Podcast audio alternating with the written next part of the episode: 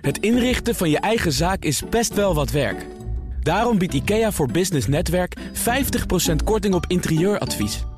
Word gratis lid en laat je werkplek voor je werken.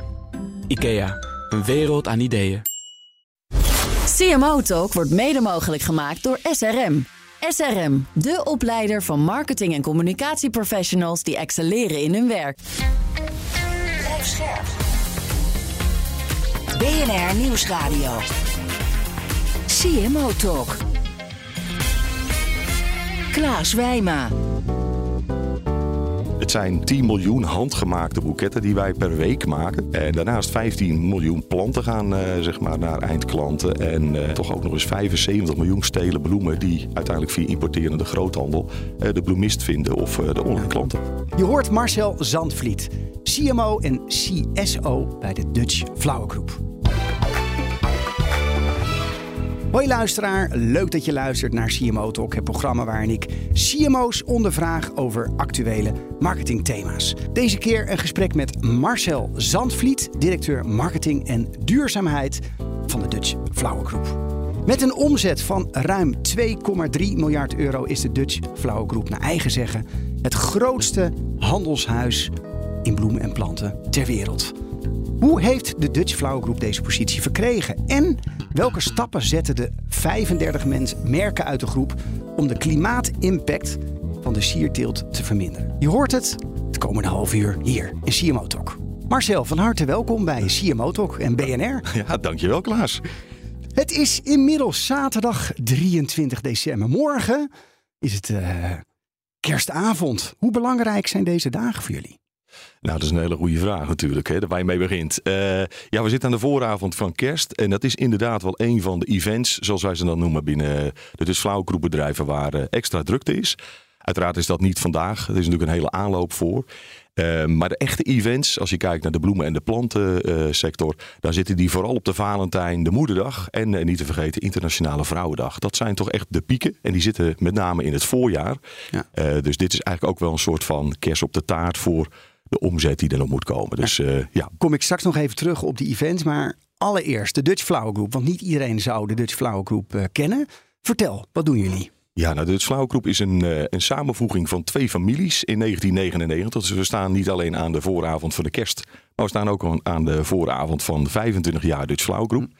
Het zijn twee uh, familiebedrijven die elkaar hebben gevonden eigenlijk om samen sterker in de markt te staan. Dat is in 1999 dus gebeurd. En die bedrijven waren al in de handel van de bloemen en planten werkzaam. Uh, de bedrijven die onder Dutch Flower Group paraplu vallen, dat zijn er inderdaad 30 plus, ongeveer 35. En ja, wat wij doen, elk van die bedrijven is gespecialiseerd in een bepaald segment in de markt. Dus wij hebben bedrijven die volledig gespecialiseerd zijn op het supermarktkanaal. Uh, uh, bedrijven die op de importerende groothandel wereldwijd leveren. en we hebben uiteraard ook nog de vakhandel en online. Ja, en sierteelt, wat jullie dan leveren, concreet. Hè? Rozen, tulpen, planten. Ja.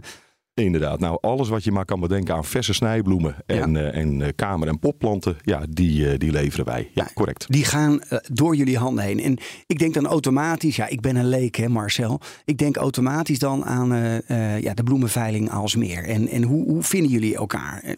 Want daar gebeurt natuurlijk het grote spel. Het vraag en aanbod komt bij elkaar. Maar dat, dat staat los van jullie. Toch? Ja, dat is inderdaad heel goed. Uh, er is soms wel eens een misverstand over ja, hoe in, in de sierteelt het uh, momenteel werkt. Ja, voor oorsprong was het natuurlijk zo, 100 plus jaren geleden. Ja. Dat, uh, nou ja, even kort over mijn familie. Dat ook mijn opa en mijn, mijn ooms die toen nog in de rozenteelt zaten, inderdaad naar de veiling gingen en daar het product aanboden. En daar ja. werd dan een koper gevonden middels afmijnen op de klokken. En daar werd dan de prijs betaald die daarvoor ging. Ja, al, ja, al die jaren zeg maar, is daar natuurlijk wel wat in veranderd. En betekent het dat eigenlijk een merendeel van de handel die gedreven wordt buiten die veilingen om gebeurt. Uh, en voor de Flauwgroep betekent dat ook dat wij nog steeds gebruik maken van de veiling. Maar dat het merendeel van alles wat wij inkopen rechtstreeks met kwekers wordt gedaan. En uh, je moet je voorstellen dat voor de daghandel, dus met name speciale producten die bij wijze van spreken morgen overmorgen bij iemand moeten staan in de wereld, eh, dat die nog via de veilingklokken ja. lopen. Maar als het gaat om grootschaliger, dan is dat eigenlijk allemaal voorgeorderd ja. en zijn dat ook zelfs producten die zijn opgezet in overleg met onze bedrijven voor onze klanten. Dus is het met name de super, super uh, verse uh, planten die, of de bloemen die dan nog via de veiling verlopen? Die dan... Nou, het, het ja. kwaliteit is eigenlijk een hele uh, andere discussie. Want ja. producten die bij de kweker vandaan komen rechtstreeks zijn in principe net zo vers natuurlijk als dat ze op de veilingklop komen. Het grote verschil is alleen dat je exact kan bepalen van tevoren, natuurlijk als je rechtstreeks met een kweker zaken doet, wat je exact nu koopt, tegen welke uh, prijs en kwaliteit. En dat je ook op het juiste moment je product hebt. Ja. Voor heel veel kanalen waar wij aan leveren, is dat ook heel belangrijk dat je consistente kwaliteit, consistent product hebt. Ja, dat kan je op de veiling in die aantallen in ieder geval niet vinden. Nee, begrijp. Nou, over dan de aantallen gesproken. Uh, 2,3 miljard omzet jaarlijks. Uh, hoeveel ja, boeketjes uh, gaan er wekelijks door jullie, uh, door jullie handelshuis? Nou, al die bedrijven tezamen. Ja, dat is een, uh, het, het, is een, een, een, aantal waar ik zelf eerlijk gezegd, ik kom uit deze wereld, maar waar ik elke dag nog van denk, jeetje mina, al die mensen die bezig zijn om uiteindelijk dat bij een klant te krijgen, dat zijn echt grote aantallen. Het zijn even terug 10 miljoen handgemaakte boeketten die wij per week maken. Per week? Per week. En daarnaast 15 miljoen planten gaan uh, zeg maar naar eindklanten. En uh, ja, uh, toch ook nog eens 75 miljoen stelen bloemen die uiteindelijk via importerende groothandel de bloemist vinden of de online ja. klanten. Ja. En vanuit die boeketten, hè, die 10 miljoen boeketten, ja. om daar even op te, te, focussen. Hoeveel procent daarvan gaat naar het buitenland of is dat allemaal voor de lokale markt? Nee, ook dat is een goede. De Dutch Flower Group bedrijven opgeteld zijn uiteraard een, een, nog steeds een exportbedrijf. Uh, ik denk dat wij, als ik even naar de omzet kijk, ruim 90% over de grens verkopen. Ja. 90%? Ja, ja er okay. is een deel wat in Nederland naar een aantal supermarktketens, uh, een aantal bouwmarkten en tuincentra gaat. Ja. En daarnaast zitten er nog wat online spelers waar wij aan uh, leveren via onze bedrijven. Maar het merendeel gaat echt over de grens. Oké. Okay. Net als in iedere sector speelt duurzaamheid een, een belangrijke rol. Nou, het is zelfs onderdeel van jouw functie, hè, want je bent ook CSO naast uh, CMO, dus verantwoordelijk hè, als Chief Sustainability Officer, om even de uh, directeur duurzaamheid in goed Nederlands. Um, hoe, hoe, leuk het ook is hè, om, om, bloemen te geven of te krijgen. Hè, bos, bosje bloemen uh, gaat vaak gepaard met een ja, toch ook wel flinke klimaatimpact. Hè. Watergebruik, gebruik aan bestrijdingsmiddelen, best pesticiden, energiegebruik in de kassen. Wat heb jij als directeur duurzaamheid de afgelopen jaren uh, uh, gedaan om ja, te verzorgen dat die klimaatimpact uh, een stuk minder is geworden? Ja, daarvoor moet je een klein beetje terug naar mijn historie bij de start van, van Dutch Group. dat is, ik heb net mijn speldje gekregen, 12,5 jaar geleden. ben ik begonnen bij Dutch Flower Group met de vraag om marketing op te zetten. Op dat moment was daar eigenlijk geen marketingstrategie en waren er sowieso geen marketeers bij de bedrijven. Ehm, in datzelfde aanloop, zeg maar, aanloopstuk. Uh, ben ik begonnen met identiteit van Dutch Flow vast te stellen. En daaruit de waarde. En vanuit die waarde, er waren twee componenten uit die waarde die heel erg naar boven dreven. Dat was verantwoordelijkheid en transparantie. Hm. En uit dat ben ik met, en het is zoals het is, uh, met een aantal jonge uh, uh, collega's die een kladje hadden gemaakt over ja, we moeten iets doen met duurzaamheid. Ben ik eigenlijk in 2011 al begonnen met het uitschrijven van wat, wat is nou daar, duurzaamheid? Wat was dat de trigger om dat op te pakken toen al? Nou, ik denk dat van oorsprong, als je naar 1999 teruggaat bij Dutch Flower Group en die families, die zijn per definitie gericht op lange termijn. En dat hm. zit dus in de kern van eigenlijk de mensen zelf. Ik ben dat in principe uh, over gaan nemen in de zin van, uh, ja, dat moet ook vorm krijgen. Daar moet ook daadwerkelijk strategie op komen. Als je kijkt naar 99 was daar ook, en dat is in, onze sector helemaal bijzonder, was er ook al het uh, maatschappelijk betrokken gevoel. Want zij hebben ook meteen de Dutch Flower Foundation opgezet. Nou, dat is voor nu eigenlijk niet echt heel nieuws voor grotere bedrijven. Maar daar hadden ze toen al een visie op van moet ook wat teruggeven aan de maatschappij. Ja. Op jouw vraag natuurlijk, ja, wat heb jij nou aan duurzaamheid gedaan? Vanuit dat kladje, om het maar zo nog even te noemen, uh, zijn we concreet om tafel gegaan. En dat heeft ook te maken dus met de verbinding over die waarden die wij uh, uiteindelijk hadden uitgeschreven. En hebben we gezegd, hoe kunnen we dit nou concretiseren? Nou, daar zijn ongelooflijk veel stappen gemaakt. Niet alleen door de Slauwgroep, maar ook door een aantal sectorpartijen. En een van de grote dingen waar ik uh, ook bijzonder trots op ben, dat is dat in 2013 we uiteindelijk met een groot aantal internationale partners het Floriculture Sustainability Initiative hebben opgericht. En dat hebben we opgericht om eigenlijk alles bij elkaar te brengen van de uitdagingen waar we voor staan. Dat inderdaad alle punten die jij net noemt, die moeten ergens natuurlijk geadresseerd worden. Dat zijn ja. dingen, daar moeten we. Maar het begint met meten. Hè? Als je het hebt over CSDR, het moeten ook grote organisaties, moeten ook vanuit Directive ehm, aangeven wat hun eh, daadwerkelijk hun initiatieven zijn en het meetbaar maken. Ja, Doe je dat ook? Eh, klopt, nog even één aanvulling op wat ik net Ja? zei. Het begint met dat je dat zelf wil. Dus Mhm. als je er nu mee moet beginnen, hè, dus als je nu opeens van de term CSRD zou horen, of de CSDDD, hè, de due diligence. Als je dat nu nog moet bedenken als bedrijf, en in onze sector is dat toch best wel een traditioneel ja, speelveld, eh, dan ben je te laat. Dus Ja. wij hebben, denk ik, met alles wat we gedaan hebben, en wij hebben dat onder de noemer van sustainability, eh, without sustainability there's no future, hebben we dat Impact 25 gedoopt.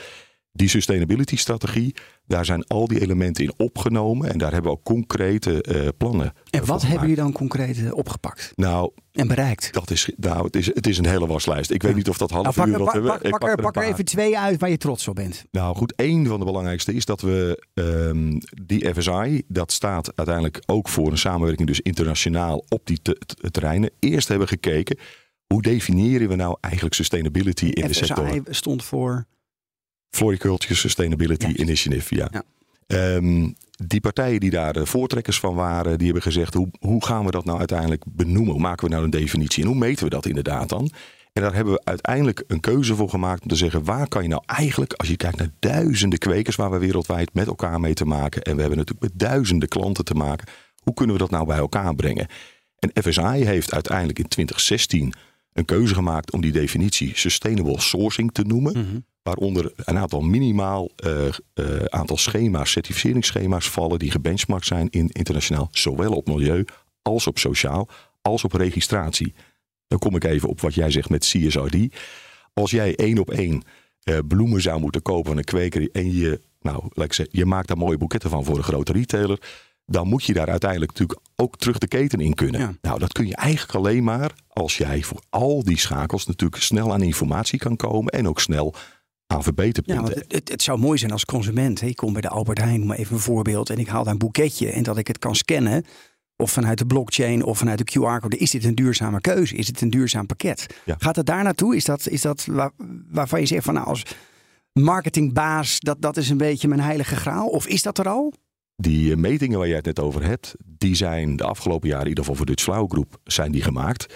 En als we dan kijken naar waar de meeste impact zit, we hebben het nog steeds over CO2 footprint, hè, want er zijn veel meer eh, parameters waar je op natuurlijk kunt en moet meten. Ehm, dan zien wij wel dat er steeds meer vraag komt van onze klanten. Ja. Niet specifiek nog op het product, hè, dat je het product helemaal nu calculeert, maar wel op de grote stromen. Hoe kunnen we die verduurzamen? Ja. En Maar het, één- het gaat nog niet zo ver dat je echt per product kan zien van oké, dit is een duurzame keuze of niet. Je kunt eh, op dit moment op de eerste calculaties die we hebben gemaakt, kun je wel een grove indicatie Ja. krijgen van welke producten dus inderdaad welke CO2 footprint hebben. En dat heeft er ook mee te maken, en dat is denk ik voor de luisteraar ook wel interessant om te vertellen, heel erg eh, uiteindelijk afhankelijk van wat wij waar kunnen eh, kopen, waar het geteeld wordt. Ja. Als je bij wijze van spreken een plant uit een van de kwekerijen in het Westland natuurlijk verhandelt aan nou, een supermarktketen die jij net noemt, dan is natuurlijk qua brandstof, zeg ik maar eventjes, maar ook de energie die wordt verbruikt, een heel andere positie dan dat je producten, bijvoorbeeld rozen uit Kenia, Ja, hier eh, naartoe haalt. en die naartoe Gaan, haalt. gaan we het straks nog over hebben. Ik wil eerst met jou naar eh, de dilemma's. En je moet er steeds één van de twee kiezen. Ben je er klaar voor? Nou, kom maar los, zeg ik. Ja. Branded House of House of Brands? Zo. Eh, ik denk dat het House of Brands is. Ja, ja, ja. De bedrijven gaan altijd nog voor op eh Dutch Flow Groep. Ja. Omzet of winst? ja. Omzet is niet zo belangrijk voor Dutch Flow Groep, zal ik je eerlijk zeggen. Het gaat er meer om dat we wat bijdragen en resultaat halen. Ja. Winst. CMO of CSO? Oeh. Ja. Ja. Dat is een hele mooie. Je moet kiezen. Ja, nou, vanuit mijn ziel zeg ik. Eh, het is toch, denk ik, CSO inmiddels wel geworden, Klaas. Ja. Bloemen vervoeren door de lucht of over zee? Ja, dan wordt het voor mij heel makkelijk gekeuze. Dat is eh, zoeken naar de, ja, de laagste footprint. Dus dat wordt ja, via zee. Valentijnsdag of Moedersdag? Oh ja, mijn moeder leeft niet meer. Dus ik moet dan heel eerlijk zeggen, ja, dat wordt natuurlijk Valentijn. Ja. Kunstbloem. Product for the many of product for the few?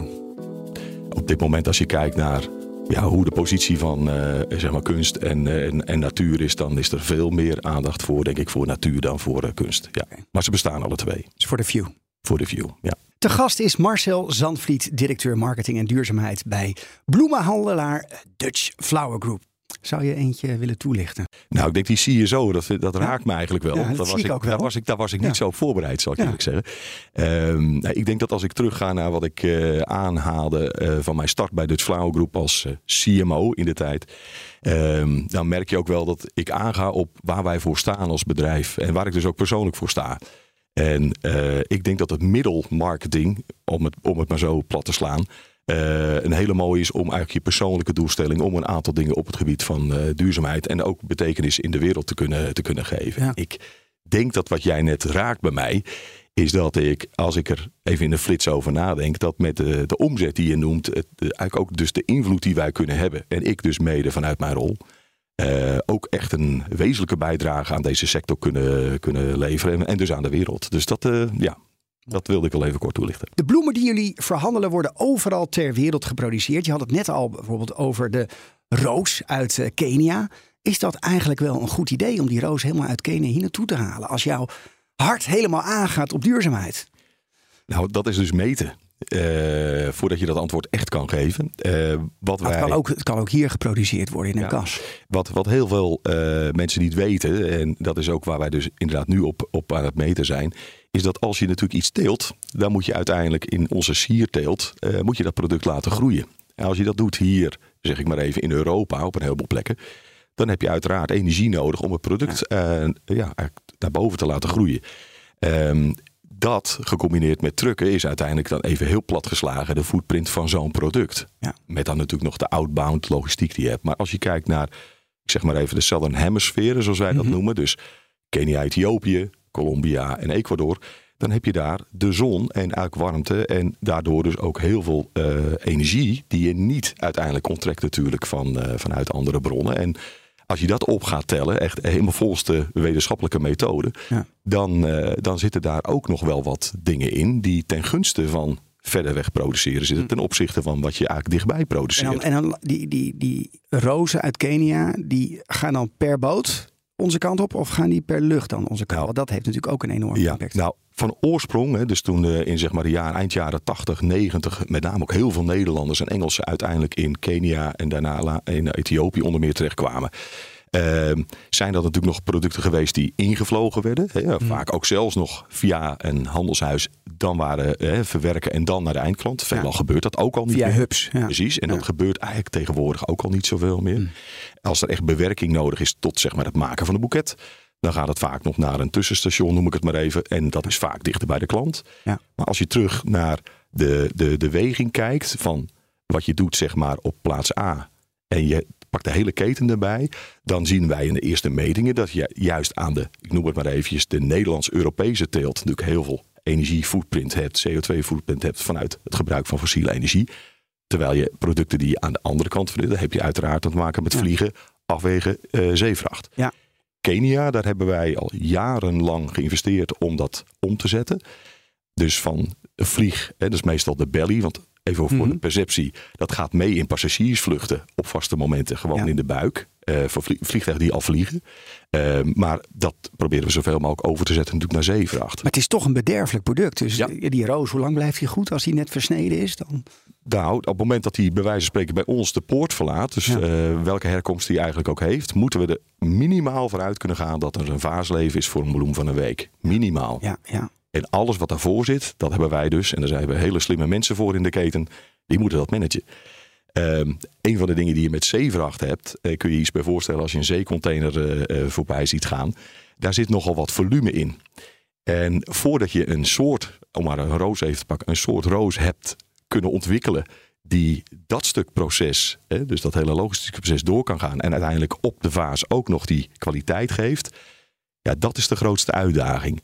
In combinatie dat je dat dus ook moet plannen. Veel Ja. meer moet plannen. Dus Ja. ook de klant moet veel meer commitments geven. Om uiteindelijk te zorgen dat wij ook die hele keten kunnen managen. Ja, het is dus niet met een knip in, de lucht. Ik heb morgen dat nodig. Dat gaat dus niet meer. Om dat te kunnen verduurzamen heb je er echt meer commitments in de keten nodig. Ja.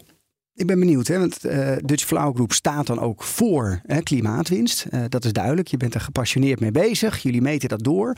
In hoeverre wordt het ook opgelegd door de markt? Hè? Dus door jullie afnemers en misschien die eindklant die zegt van ja, moet luisteren.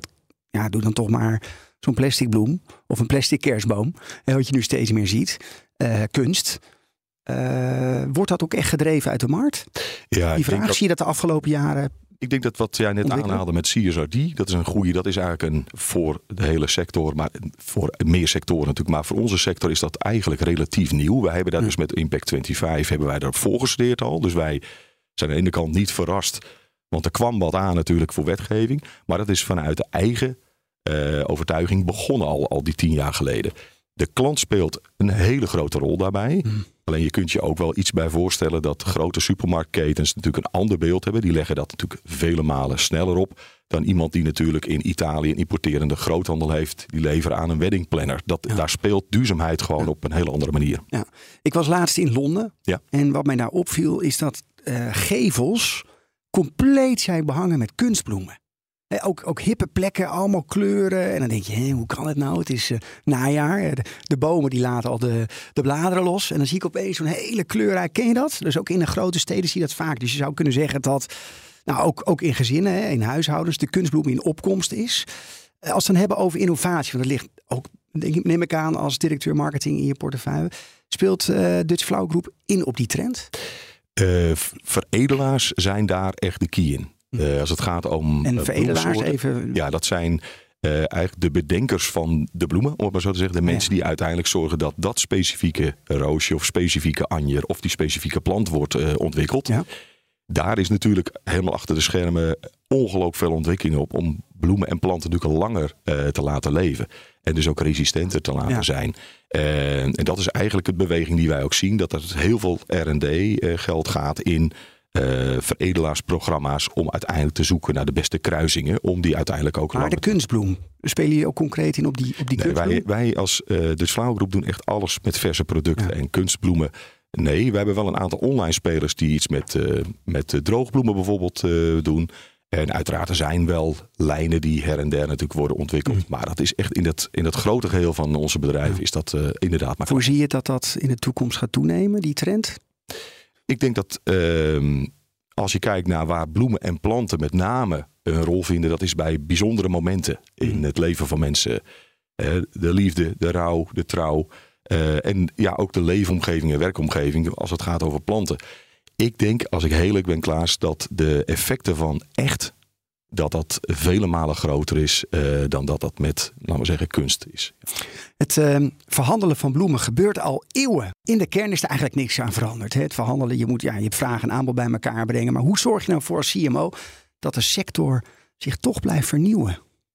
Ja, dat is dus een rol pakken. Eh, frontrunnership noemen wij dat dan. Eh, om uiteindelijk ook thema's zoals bijvoorbeeld duurzaamheid, om dat ook op een aantal andere tafels te krijgen. En dan moet je inderdaad buiten Dutch Flower moet je ook collectief aan de slag. En dat is ook wel een van die andere waarden. Als ik het over die waarden heb, samenwerking in de keten is enorm belangrijk. Zonder die veredelaar, zonder die kweker, zonder de klant, maar ook zonder ketenpartners kan je eigenlijk niet zo heel veel.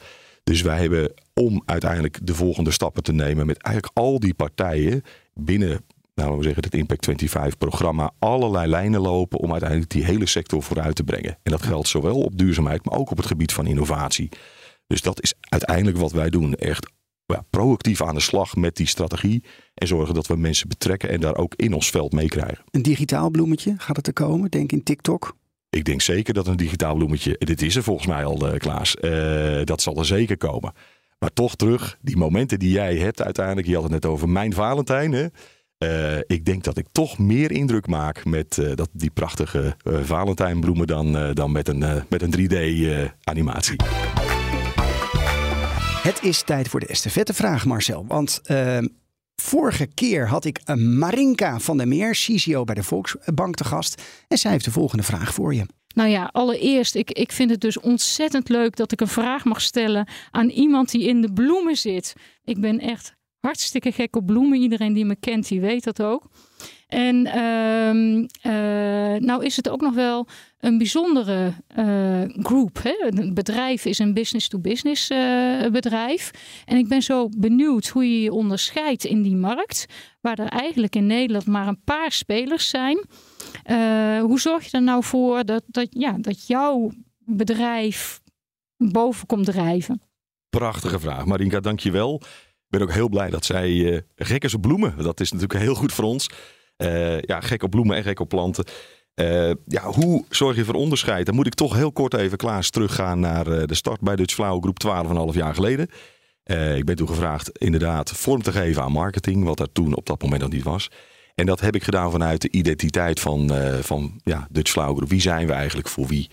En in het bepalen daarvan kwamen de waarden naar voren. Ja, en uit die waarden, en daar komt natuurlijk de vraag terug, waar zit dan het onderscheid? Ben ik natuurlijk wel gaan nadenken over en waar zitten nou echt de verschillen tussen Dutch Flower Group en haar bedrijven en, ik zeg maar even, de rest van de sector. En uit dat is uiteindelijk een familiewapen ontstaan. Ja, hier kan ik hem in de studio even laten zien. Het is eigenlijk een kleurrijke bloem met in de bloembladen eh, mensen die met hun hoofden in het midden bij elkaar eh, staan en elkaars handen heel stevig vasthouden. En dat be- beeldmerk, dat familiewapen, is eigenlijk het symbool geworden voor het onderscheid van Dutch Flower Group. Kennis delen en kracht ook uiteindelijk uit het samenwerken. En dat geldt voor zowel binnen onze bedrijven als in de sector. Is dat voldoende om je te onderscheiden? Zeker niet. Nee, het allerbelangrijkste is natuurlijk uiteindelijk de klant. En eh, wat hoog bij ons in de strategie natuurlijk is opgenomen als een van de zes thema's is eh, consumentgedreven, customer driven Hmm. noemen wij dat intern. En daar zitten heel veel programma's onder die ik in ieder geval opgezet heb om te proberen in ieder geval die meerwaarde ook concreet te maken voor klanten. Dan moet je denken aan, nou dan komt een hele rij, dus ik zal er een paar even uithalen hoor. Eh, dan, dan moet je denken aan bijvoorbeeld productontwikkeling. Ja, als je niet weet uiteindelijk wat volgend jaar de mode wordt, dan kun je ook heel weinig. Hè, bloemen hebben een behoorlijke kleur. En planten hebben heel mooie bladen waar ook een aantal eh, motieven zeg maar in zitten. Ja, dus jullie stemmen de, de, de, eh, het assortiment af aan hè, kleuren en belangrijke trends in de Ja, markt. en met name natuurlijk grootschalige retail, hè, supermarktketen, bouwmarkten en tuincentraketens. Ja, die kunnen daar eh, gebruik van maken. Daarboven hebben we in de tijd ook bedacht, ja, je wil ook weten hoe het verder in de loop der jaren gaat om uiteindelijk onderscheid te kunnen maken. En ik gebruik daar een voorkast voor, naar, in dit geval nog naar 2040. En een van de grote thema's daarin is klimaatverandering. Nou, dan voel je hem al. Ja, dan kijk ik ook weer even terug. 12,5 jaar geleden eh, ben ik ook begonnen om eigenlijk de definitie van duurzaamheid vanuit onze identiteit vorm te geven met een eh, club mensen. En dat heeft geleid tot Impact 25, onze duurzaamheidsstrategie. En daar pakken we niet alleen binnen de bedrijven allerlei grote thema's op, maar ook samen met partners in de keten van de vredelaars, de kwekers, tot aan onze klanten uiteraard. Helder. De concurrenten kwamen net al eh, langs, maar ik ben even benieuwd, wie zijn dan jullie grote concurrenten? Ja, dat varieert per kanaal. Uh, de Flow Groep is um, eigenlijk uh, de paraplu voor, voor ruim 30 uh, bedrijven. Die we dan misschien vanuit marketing merken mogen noemen. Business-to-business merken. Uh, elk van die bedrijven werkt op een specifiek segment. Dus als je zegt wie zijn jullie grote concurrenten. Dan hebben we op het supermarktkanaal in Engeland een heel ander concurrentieveld dan dat wij bijvoorbeeld hebben bij de bloemisten die via de groothandel in Italië ja. worden beleverd. Of de droogbloemen die je via de post verzendt. Of dus, uh, inderdaad de, de, de andere productgroepen. Ja, correct. Komt die concurrentie uh, over het algemeen vanuit de Nederlandse hoek of vanuit de internationale hoek? Nou, ook dat varieert. Dus wij hebben concurrenten die echt daadwerkelijk in de landen. Je kunt je voorstellen dat er ook een lokale teelt is. In bijvoorbeeld, ik neem Italië maar even, dus lokale teelt. Hm. Ja, dan heb je te maken met lokale teelt en ook seizoenen. Aan de andere kant hebben wij met die hele grote geïntegreerde ketens die naar de supermarkten zeg maar, door onze bedrijven worden gebruikt, weer concurrentie van kwekers die in uh, conglomeraat of diversificatie zitten in die kanalen. Ja, dat is, uh, het is elke keer een ander speelveld. Ja. Wat uiteindelijk het ook voor mij als CMO met onze collega's in de bedrijven natuurlijk uitdagend maakt om elke keer te, weer te bedenken waar is daar dan de meerwaarde te vinden. Ja. Uh, het, het, grootste gedeelte van jullie omzet verloopt via uh, ja, een tussenhandel. Hè? Dus een handel, jullie zijn natuurlijk een handelshuis, leveren direct via het B2B-kanaal. Maar dan voel je natuurlijk mijn vraag. Uh, jullie zijn ook al een tijdje bezig om uh, rechtstreeks naar de eindklant, naar de consument te leveren. Um, via plantje.nl. Een hele goede vraag. Nou, in de, in de midst of things zeggen ze dan. Hè, dus in de grote geheel is uh, wat wij doen op het online en het e-fulfillment deel is nog relatief klein. Eh, met de omzet van. Wat is relatief? Nou, 2,3 miljard. Dan praat je net over een aantal miljoenen, wat we uiteraard oh ja, daar mee doen. Ja. Uh, maar even, het is misschien een klein beetje naar volgend jaar toe. Uh, wij zien wel dat echt de meerwaarde van ons veel meer zit op het e-fulfillment voor een brand. Hè, dus ook voor e-tailers. Ja. Dan dat wij zelf de e-tailer moeten zijn. Okay. Uh, en dat is ook een beetje een uitspraak van vroeger. We zijn geen kweker en we zijn geen retailer. Ja. Moet ik wel zeggen dat het is wel belangrijk om feeling te hebben op sommige uh, fronten in de wereld. Ja, want zo'n bloemon is ook behoorlijk gegroeid de afgelopen jaren. Ja. Hebben jullie daar last van? Ik denk in het kanaal niet. Nee. Hm. nee. Of werk je Nee. er ook mee samen? Nee, ik denk dat wij leveren via heel veel van onze bedrijven natuurlijk ook aan partnerbedrijven en ook aan dit soort klanten. Maar eh, nee, dat, eh, nee. het, is, het is een ander format ook. Het zijn abonnementen, dus het is een ander format. Ander format. Maar toch, zou er ooit eens een keer een abonnementsmodel uit een van jullie labels kunnen komen? Nee, bij dit soort groep niet. Nee. Niet? Nee. Nee. Ehm, ik wil jou vragen om de volgende zin af te maken, Marcel. Ja, je kijkt naar je papier, maar je hebt hem volgens mij nog niet gehad. Nee, maar dan kan ik, ik ben een soort telepathisch, eh Klaas. Als ik naar papiertje kijk, dan kan ik hem oproepen. Hoop ik dan, hè? Mooi. Hier komt hij. Mijn grootste uitdaging bij de Dutch Flower Group wordt in 2024. Continu de mensen proberen mee te nemen op de reis. Dat is denk ik wel eh ja, Is dat moeilijk? uitdaging. Ja, we hebben natuurlijk heel veel collega's, als je even je snel telt. Bijna 5000 mensen wereldwijd. Eh, wij hebben een best platte organisatie. Ik ben een van de vier eh, executive committee leden. En allemaal direct eh gelieerd aan de directies van de bedrijven. Dus heel plat georganiseerd. Maar ja, iedereen die je nodig hebt, die moet je wel meekrijgen. Eh, ja, dat is eigenlijk de grootste uitdaging. En als je het vorig jaar had gevraagd, had ik denk ik hetzelfde antwoord gegeven. De mensen meekrijgen met je boodschap. Dat is het belangrijkste. Wat was jouw laatste aha-moment als marketeer? Dat je dacht, poh, struck by lightning. Wat een gaaf inzicht. Of iets moois wat jou is opgevallen, waar je wat mee kon. Nou, ook dat is wel eh, eh, een actuele, denk ik. Wij hadden eh, een paar weken geleden de Networking Day met een aantal collega's. En daar hadden we een spreker. En die spreker die begon te praten ook over cultuur. Hoe belangrijk cultuur is om uiteindelijk verandering. Nou, je had het net over de hè, ik, mensen meenemen. Ehm, cultuur bestaat natuurlijk uit die waarden. Ja. Ehm, wat mijn inzicht was, eigenlijk vanuit die spreker. Die waarden moet je eigenlijk veel meer beschrijven. In plaats van dat je het hangt aan een woord. En ik zal je eerlijk zeggen, ik ben begonnen met uiteindelijk het uitschrijven en daarna een woord aan te geven. Maar mensen onthouden er natuurlijk niet vier waarden Nee. woorden. En iedereen heeft ook een ander oordeel over dat woord. Dus je kan veel beter het uitleggen en dan een woord aan geven. Dus dat was de laatste inzet. dat Ik denk, ik als marketeer, daar moet ik toch wat mee. Dus nou, een van de dingen die op het programma uiteraard zal staan, is volgend jaar dat eh, in 2024 meepakken in het programma. Ja. Mooi. Jij mag ook op jouw beurt een estafettevraag eh, stellen aan onze komende gasten, moet ik zeggen, voor, eh, voor de volgende aflevering. En ehm, ik heb in de studio Patrick Kuisters, directeur merk, marketing en communicatie bij ABN AMRO Bank, over twee weken te gast. En onderzoeker Daan Muntinga. En ze hebben een onderzoek gedaan naar het effectieve gedrag van eh, de marketingdirecteur. Wat zou je hen willen vragen? Nou, Patrick, allereerst, eh, jij hebt best een bijzondere rol binnen ABN AMRO. Eh, waarbij jij vanuit de identiteit van ABN AMRO het meekrijgen van medewerkers door de hele organisatie ja, als hoofddoel hebt staan. Ik heb het je horen zeggen bij de presentatie in, in. Dan is mijn vraag concreet. Hoe zorg je dat deze beweging, waar toch de merkbelofte de kern is, in gang gezet wordt? En welke van de zeven gedragingen denk jij nou wat daarbij het allerbelangrijkste is vanuit ons vak als marketeer? Mooi. Nou, En je mag er ook één stellen aan Daan. De onderzoeker. Nou, Daan, allereerst eh, grote waardering voor je CMO-pulsonderzoek wat je hebt uitgevoerd eh, naar de zeven gedragingen van een marketeer. Ik zou jou de vraag willen stellen op basis van je onderzoek. Waar denk jij dat een marketeer vanuit die zeven gedragingen zich de komende tijd het meest op zou moeten ontwikkelen? Eh, om in de organisatie echt het verschil te gaan maken. Prachtig, dankjewel. Ik ga beide vragen ga ik eh, zeker stellen.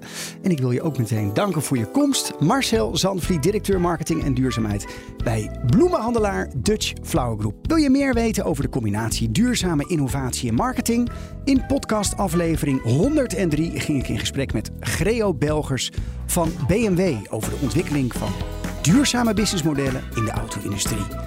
In de volgende CMO Talk ga ik, zoals gezegd, in gesprek met Patrick Kuisters, directeur merk, marketing en communicatie van ABN AMRO en onderzoeker Daan Muntinga. CMO Talk wordt mede mogelijk gemaakt door SRM. SRM, de opleider van marketing- en communicatieprofessionals die excelleren in hun werk. Als ondernemer hoef je niet te besparen op je werkplek. Want IKEA voor Business Netwerk biedt korting op verschillende IKEA-producten. Word gratis lid en laat je werkplek voor je werken. IKEA, een wereld aan ideeën.